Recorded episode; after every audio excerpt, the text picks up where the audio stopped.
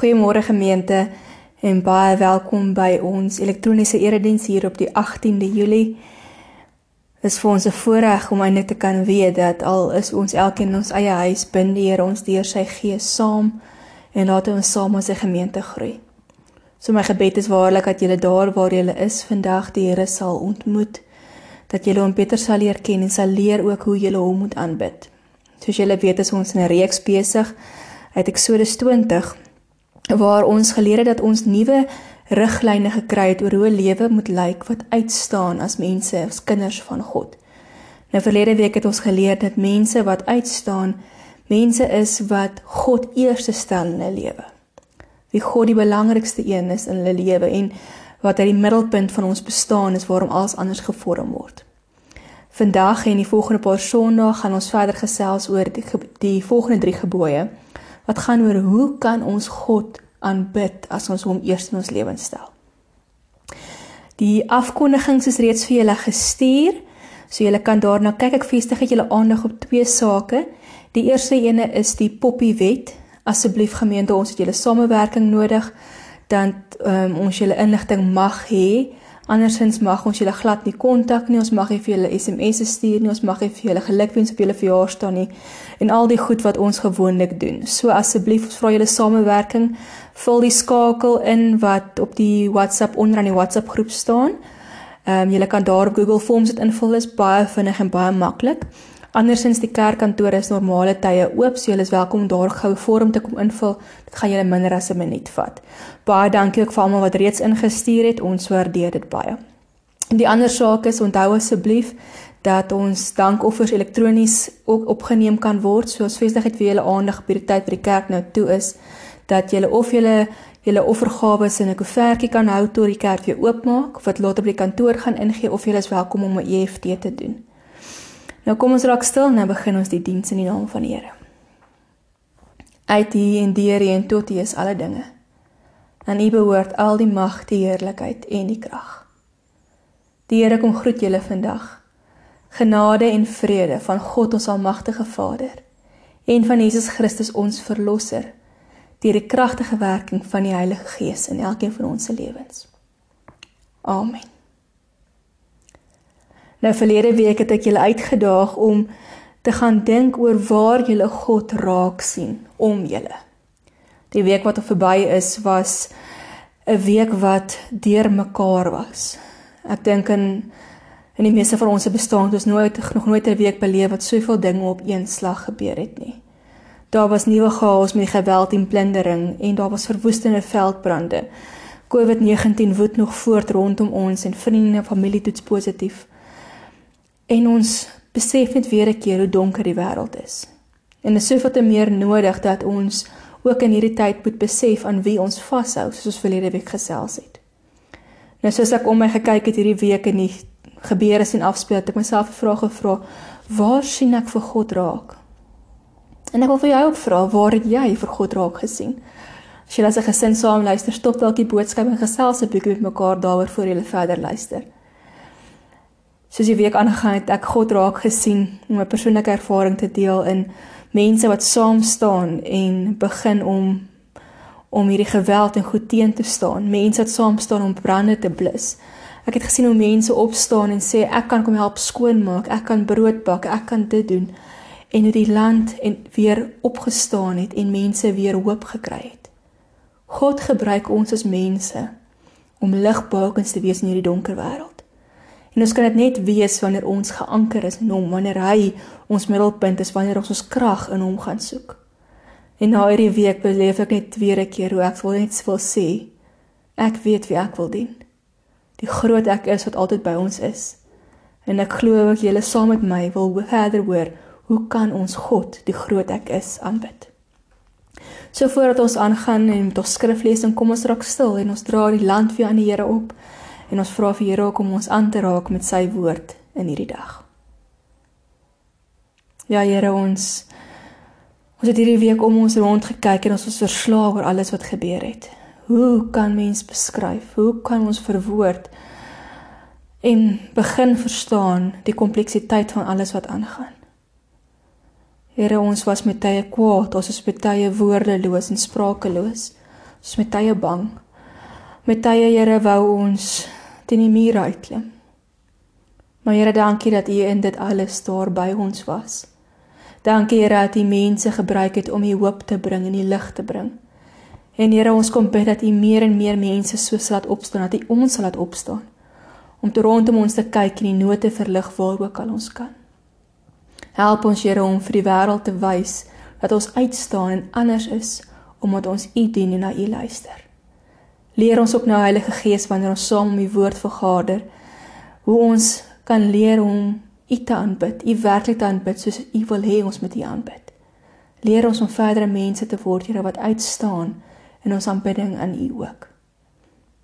Here, ons kom met volle afhanklikheid na U toe met 'n verwagting om deur U verras te word vandag. Kom praat met ons deur die woord, kom maak oop ons oë en harte en ore dat ons u stem kan hoor. Amen. Ons lees vandag saam met Eksodus 20 vers 4 tot 6.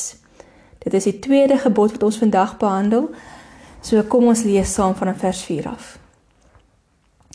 Jy mag nie vir jou 'n beeld of enige afbeelding maak van wat in die hemel daarbo of in die aarde hieronder of die water onder die aarde is nie. Jy mag hulle nie vereer of dien nie, want ek, die Here jou God, is onverdeeld trou aan my.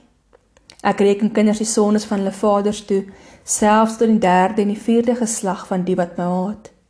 Maar ek betoon my liefde tot aan die duisendste geslag van die wat my liefhet en my gebooie gehoorsaam. Ons lees tot daar vandag. Wat is die storie met beelde. Waarom is beelde nou so belangrik in die Bybelse tyd en beteken dit enigstens nog hierdie gebod tog vir ons iets vandag? Nou, in die tyd wat Israel geleef het, was beelde vir hulle ongelooflik belangrik. Hulle het uit Egipte gekom waar hulle klomp beelde van gode gesien het wat die Egiptenare aanbid het. En nou waar hulle hier voor die land Kanaan staan, sou hulle ook te doen kry met baie Kanaanitiese afgode wat ook uitgebeeld word. Dink maar selfs aan die verhaal van die goue kalf waar die Israeliete na 40 jaar in die woestyn steeds twee goue kalwers gemaak het terwyl hulle vir Moses gewag het om van die berg af te kom. Die tweede gebod gaan nie net oor die om nie afgode te maak nie, want dit is reeds in die eerste gebod verbied. Die tweede gebod gaan spesifiek daaroor dat ons nie 'n beeld van God mag maak nie. Nou vandag mag jy dalk voel maar maar hoe dan is hierdie ding, hierdie gebod mos nou nie op ons van toepassing nie. Ons het immers nie 'n afbeelding van God in ons huise waarvoor ons buig nie. Ons weet as ons voor 'n kruis kom kniel, dan is dit 'n simbool van Christus se lyding. Maar ons aanbid vir Christus, nie die kruis nie.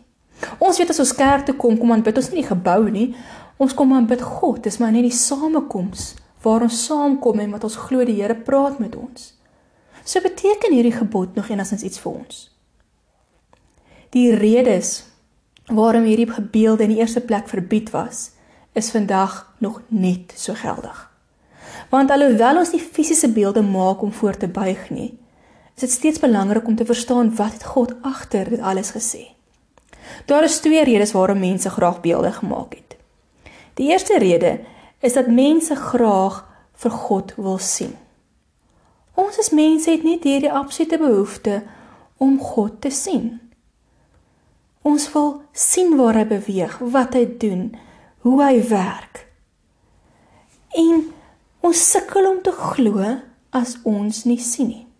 Beelde maak dit natuurlik dan makliker om te glo. En God het ons geskep met hierdie behoefte om hom te sien, om hom te soek, om hom te ken. Daarom het hy hom deur die eeue aan mense openbaar. Daarom het hy vir ons die woord gegee. Daarom het Christus gekom, want God wil hê ons moet hom ken. En deur die Bybel gee hy vir ons verskillende metafore, beelde van dat hy 'n rots is, dat hy die Vader is, dat ons beskermer is, die Skepper. Hy gee vir ons die beeld van Jesus, van die Heilige Gees in die vorm van 'n duif en vier tonge. Hierdie metafore en simbole is so stukkies legkaarte wat God vir ons gee om bymekaar te sit om iets van sy volheid te verstaan. En deur hierdie legkaartstukkies vorm ons beelde van God. Ons noem dit ook God se beelde. Nou 'n godsbeeld is 'n manier om te beskryf wie God vir ons is. Hierdie dat ons sê God is barmhartig, hy's ons Vader, hy's genadig, hy's heilig, hy's regverdig. En ons kry gesonde godsbeelde en ongesonde godsbeelde. Nou gesonde godsbeelde word gevorm deur hierdie maniere hoe God homself openbaar aan ons deur die Bybel. En dit help ons om iets te verstaan van God se misterie, van sy heiligheid, van sy grootheid. En wat ons hier in Eksodus 20 vers 4 lees, is dat daar niks op aarde is of onder die aarde of bo in die hemel wat werklik met God vergelyk kan word nie. Daar bestaan nie 'n enkele ding wat ten volle kan uitbeeld wie God is nie. Selfs Jesus in sy menslike vorm was slegs 'n klein deel van wie God werklik was. God wil hom openbaar aan ons sodat ons hom kan leer ken. Maar wat ons lees in hierdie gebod is dat ons moet besef dat terwyl ons op aarde is, ons nie God in sy volheid volkome sal ken nie. Hy sal vir ons ook 'n geheim bly, 'n misterie, want ons niks wat met hom vergelyk kan word nie. Dis om 'n balans te vind tussen die God wat ons ken, wat ons kan ken, hoe soos hy hom vir ons wys, en die deel van God wat ons ook nie kan verstaan nie en om vrede daarmee te maak. Dit is 'n gesonde godsbeeld. Maar soos ek gesê het, kry ons ook ongesonde godsbeelde. En dis waar dit in hierdie gebod waar waarsku. 'n Ongesonde godsbeeld is om dele van God te hou waarvan jy hou en dele waarvan jy nie hou nie weg te skuif of te ignoreer. En wanneer dit gebeur, kan ons verstaan van God verwronge en beperk raak. Byvoorbeeld, Wanneer ons net begin vashou aan God as 'n goeie God wat vir ons goed wil doen en my wil seën en my nooit gaan straf en reghelp nie en dat straf iets is wat net vir ongelowiges is, ontken ons die heiligheid en die regverdigheid van God. Ongesonde godsbeelde werk net selektief met die Bybel deur te kies om daar vas te hou aan dit waarvan ons hou en dit waarvan ons nie hou nie weg te skuif. Dit kies om die Bybelgedeeltes aan te haal wat by ons gedagtes en ons argumente pas en die gedeeltes wat nie daarbey pas nie te ignoreer. En as ons so 'n godsbeeld begin vorm, dan maak ons dit vir onsself maklik en gemaklik om God aanbid. Ons sit vir God in 'n boksie. Ons probeer hom vasvang in een verstaanbare beeld asof ons hom ten volle ken. En wanneer ons dit doen, tas ons God se eer aan. Ons tas sy heiligheid en grootheid aan. Om dit anders te stel, ons verklein neer eintlik vir God wanneer ons hom probeer vasvang in 'n enkele verstaanbare beeld en hom begin beperk op wie hy is. Daarom sê hierdie gedeelte in die Bybel vir ons, ons mag nie 'n beeld van God maak nie, 'n ongesonde godsbeeld maak nie. Die tweede rede waarom mense beelde aanbid, lê agter hierdie behoefte om God te ken. Agter die behoefte om God te sien en te verstaan, kan die begeerte ontwikkel om God te beheer. Dit kom terug na die eenvoudige rede waarom mense afgodsbeelde gemaak het in die Bybelse tyd. 'n Mens maak 'n beeld. Voor jy 'n beeld maak, kies jy waaruit jy hierdie beeld gemaak, hoe die beeld gaan lyk, wat gaan gebeur met die beeld. So mense het gekies om 'n beeld van hout te maak, 'n beeld van klip, 'n beeld van klei en dan lê beelde baie keer oorgetrek met goud en mooi edelgesteentes en so aan. En as hulle dit gedoen het, kon hulle beheer hoe hierdie beeld lyk. Hulle kon beheer waar die beeld gestaan het en hulle kon gedink op so 'n manier kan hulle hierdie God beheer wat hulle so uitdeel, uit of wat hulle so aanbid. Want wanneer hulle genoeg doen vir hierdie God, om mooi genoeg oortrek, die regte offers bring, dan sal hy vir hulle goed wees. Ons sien dit ook dat mense die offers gebring het en dat profete dan as die regte offer gebring is wat goed genoeg is. Hierdie stomme beeld laat praat dit in die guns en die voordeel van die mense wat die offer kom bring het. Mense maak beelde om te kan beheer. Soos ons dink ons maak 'n beeld van God, ons vorm 'n beeld van God wat by ons pas en by ons gedagte van hoe God moet wees pas. As ons dink ons kan God God vasvang, ten volle verstaan in 'n boksie sit, dan kan ons begin vir hom voorskryf hoe hy moet werk, hoe hy moet seën, wie hy moet straf, waar hy moet straf, hoe hy moet straf. Ons kan begin vir hom sê, Here, luister na my, moenie na daai ene luister nie. Hoe kan ek daai ene liefhet wat so verkeerd lewe en nie vir my nie? Ons sien hierdie ongesonde godsbeeld wat dikwels probeer om God te manipuleer. Dit was in ons gebede wanneer ons so met die Here begin onderhandel oor hoekom sekere mense dit mee goed gaan wat verkeerd lewe en ons wat dan nou so reg lewe, dit nie meer goed gaan nie. Ons sien dit in hierdie denkwyse dat ons dink baie keer God moet ons seën as ons reg lewe en op so 'n manier die regte offers bring en die regte dinge doen. En dan is baie keer nie verstaan en met God stry en selfs partykeer wegstap van die Here af wanneer hy nie doen wat ons vir hom wat ons vir hom vra nie. Wanneer swaar kry oor ons lewens kom, is dit was wanneer ons godsbeelde die meeste getoets word. Wanneer ons toets, getoets word en kan sien hoe aanbid ons die Here. Beelde beperk God. En wanneer ons van God probeer vasvang in 'n verstaanbare vorm sodat ons sy optrede kan voorspel, hom beperk of selfs manipuleer, beweeg ons op gevaarlike grond. En dit is waarteen hierdie gebod ons waarsku. Daarom is hy ook in hierdie gebod 'n straf en 'n belofte saamgevat.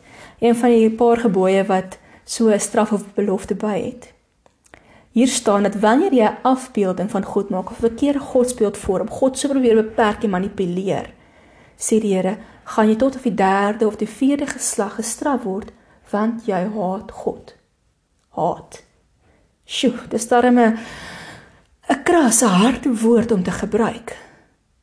Maar As ons daaroor dink, dan maak dit vir my heeltemal sin.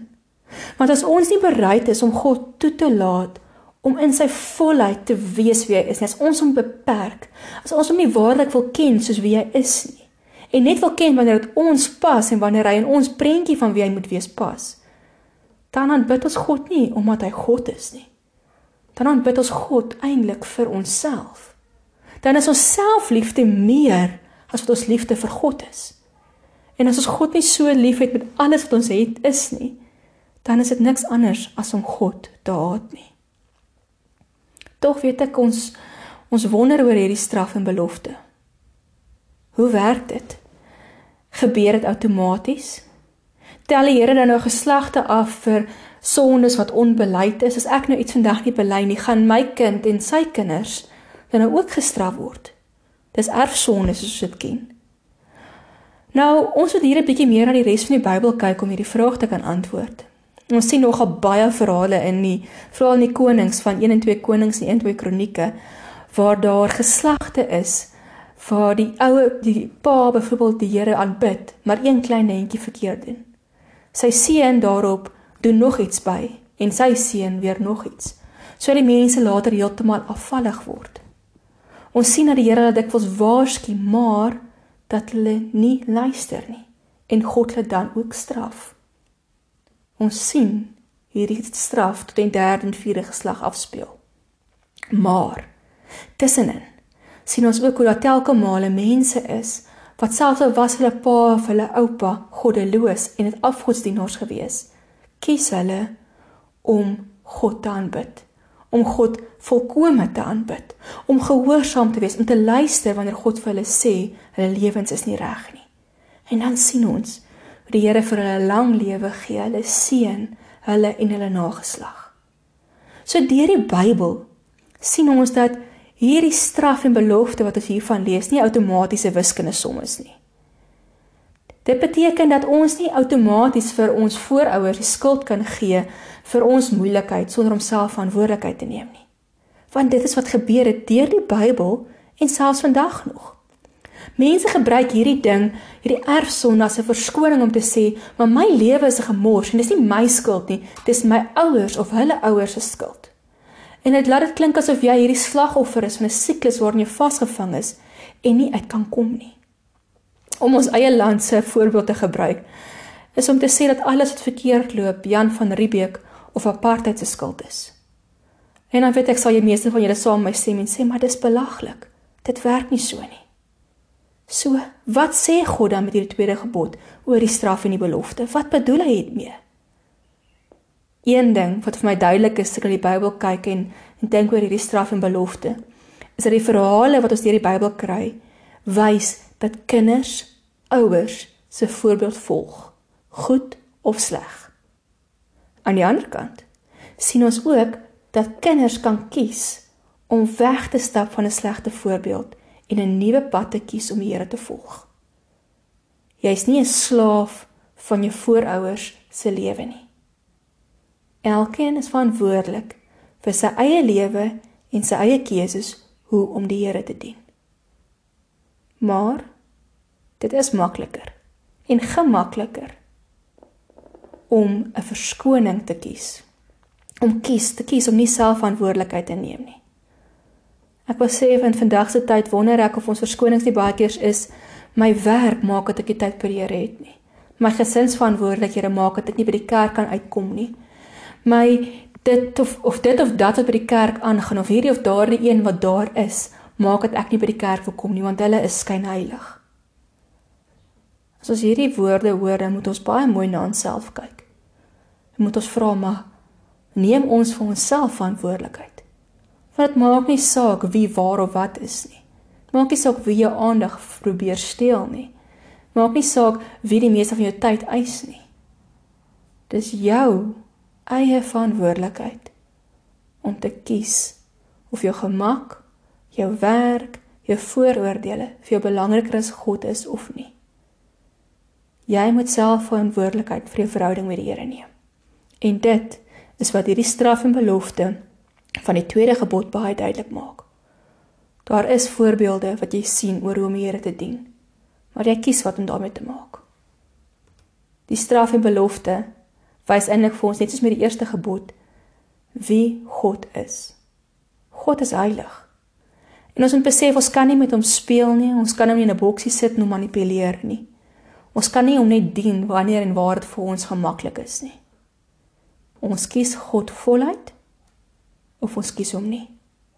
Daar's nie 'n middeweg sodat vir jou gemaklik is nie. Want ons sien wat hoe God homself hier openbaar is om te sê hy eis onverdeelde trou. Die ou vertaling het gesê hy's 'n jaloerse God. Nou jaloesie is gewoonlik iets wat ons sal dink 'n slegte eienskap is. Maar nog 'n paar plekke in die Bybel word God as jaloers beskryf. En elke keer is om te, is dit om te verwoord dat God hierdie brandende passie het om sy kinders by hom te hê. Daarom laat God straf toe tot in die derde en die vierde geslag. Daarom laat God toe om ons te waarsku. Daarom gebeur daar dinge in ons lewe wat ons terugbring na die Here toe. Want God brand om ons as sy kinders te hê. Hy wil hê ons moet hom alleen dien. Hy wil hê ons moet terugkom en waar hierdie straf op een hand getel kan word. Is God se liefde lees ons hier tot aan die duisendste geslag van die wat hom liefhet. Hierdie duisendste verwoord eintlik ontelbaar. God se liefde is soveel meer wat hy vir ons wil gee. Nou, hoe God hier beskryf word hierdie liefde, is die woord gebruik word vir God se verbondsliefde. Of hy goedertierendheid, so die 33 vertaling het ook vertaal. Dis 'n liefde wat beskryf wat God oor geslagte heen keer op keer mense vergewe, na hom toe nader trek. Nie omdat ons foutloos is of of oulik is nie, maar nee, oor wie God is. Oor hy ons ongelooflik liefhet. En is hierdie liefde waarin ons kan deel hê wanneer ons kies om die verantwoordelikheid self te neem. Dis die Here, ek kan bid U vir die volheid van wie U is. Nie wie ek wil hê U moet wees nie, maar werklik wie U is. Hierdie tweede gebod, hierdie tweede lewensriglyn is eintlik 'n 'n wonderlike uitnodiging om God waarlik te leer ken en te aanbid. En dit is 'n uitnodiging wat ons elkeen kan besluit dat ons kies, ek kies, jy kies om God te dien. Dit maak nie saak hoe jou pa of jou ma se geloofslewe lyk nie. Maak nie saak hoe jou man of jou vrou se geloofslewe lyk nie. Maak nie saak hoe jou ouers se geloofslewe lyk nie jy kan kies. En die gebod is 'n uitnodiging om jouself oop te stel vir die Here te sê, "Wys my wie U is." En breek af die goed wat ek dink dit is hoe jy moet wees. Heilig is hierdie gebod eenvoudig 'n uitnodiging om om deur God se volheid verras te word. Soveel soos ons God wil verstaan. Vol verstaan waarom gebeur dinge en waarom is gebeur baie keer slegte dinge. Moet ons besef dat daar altyd 'n gedeelte van God sal wees wat ons nie sal verstaan nie, wat sal versteek sal bly solank ons op aarde is. Ons moet leer om God te aanbid, selfs al verstaan ons nie. As gelowiges wat wil uitstaan in hierdie wêreld, moet ons leer dat ware aanbidding vir God wegstap van die begeerte om God te wil beheer en instap in die begeerte om God in sy volheid te leer ken. So vir hierdie week gemeente wil ek julle uitdaag. Gaan dink 'n bietjie oor jou godsbeelde. Gaan vra vir jouself af het ek 'n gesonde of 'n ongesonde verstaan van God? Beperk ek God? Is daar dele van die Bybel wat ek liewer kies om nie te lees nie omdat my ongemaklik laat? Is ek nog oop om deur God verras te word? Is ek bereid om die Here te dien selfs al kry ek nie antwoorde nie, al verstaan ek nie altyd nie? Kom gemeente, God nooi ons uit om weg te stap daarvan om ander te blameer, sodat ons nie omdat ons nie by die Here uitkom nie en self verantwoordelikheid te neem. Kom ons stap in. Kom ons kies om God eerste te stel deur hom te aanbid in die volheid van wie hy is, soos hy hom openbaar in sy woord geen afbeelding wat God beperk nie maar die volheid van wie hy is. Amen. Kom ons bid saam. Here sjoe. Dankie dat u uself in die grootheid in die heiligheid in die misterie aan ons wil openbaar. Dankie dat u die woord vir ons gegee het wat vir ons leer wie u is en vir ons soveel soveel legkaart stukkies gee om te verstaan wat hy vir ons wil doen en wie hy vir ons wil wees en hoe hy aanbid wil word. Kom help ons Here dat ons u waarlik sal aanbid vir wie hy is. As daar dele van u is wat ons vir ons eie gemak wegberre en ignoreer, Here, kom openbaar dit aan ons, breek dit af. Want ons wil nie net net gedeeltelik ken, Here, ons wil u ten volle ken. En Here, as daar dinge in ons lewe is wat maak dat ons U wil beheer, dat ons as ons partykeer bid, Here, en ons wil U voorskryf wat om te doen. Praat met ons Heilige Gees, verander ons harte. Wat in 'n wêreld waarin ons leef, is dit so maklik die die manier wat gesê word, kom, bid so, bid so dat ons God kan voorskryf wat hy moet doen. Here, en ons wil nie so bid nie. Ons wil U toelaat om U te wees. Want Here, ons weet ook wat ons dalk vir u vra en hoe ons dink die regte manier is, het u se baie keer vir ons soveel beter in gedagte. So help ons hier om weg te stap van hierdie begeerte om u te beheer en u toe te laat om waarlik ten volle God te wees. Here, ons kom bid dit weer 'n keer vir ons land waar hy besig is om hierdie kinders se harte te werk wat mense opstaan en sê maar ek is 'n kind van God kom ons bid kom ons praat Here kom wys vir ons wie is in hierdie tyd. Here kom leer ons hoe om u kinders te wees. Kom leer ons hoe om uit te staan en vir mense te wys ek kan bid God selfs al verstaan ek nie altyd nie. Ek kan bid God omdat hy God is. En elke dag Here verras U ons met die wonder van wie U is. Dankie Here vir die woord waarin ons ons kan verdiep en kan indrink wie U is. Dankie vir medegelowiges wat saam met ons reis. En dankie vir 'n gemeenskap Here waarby ons kan deel raak en 'n verskil maak.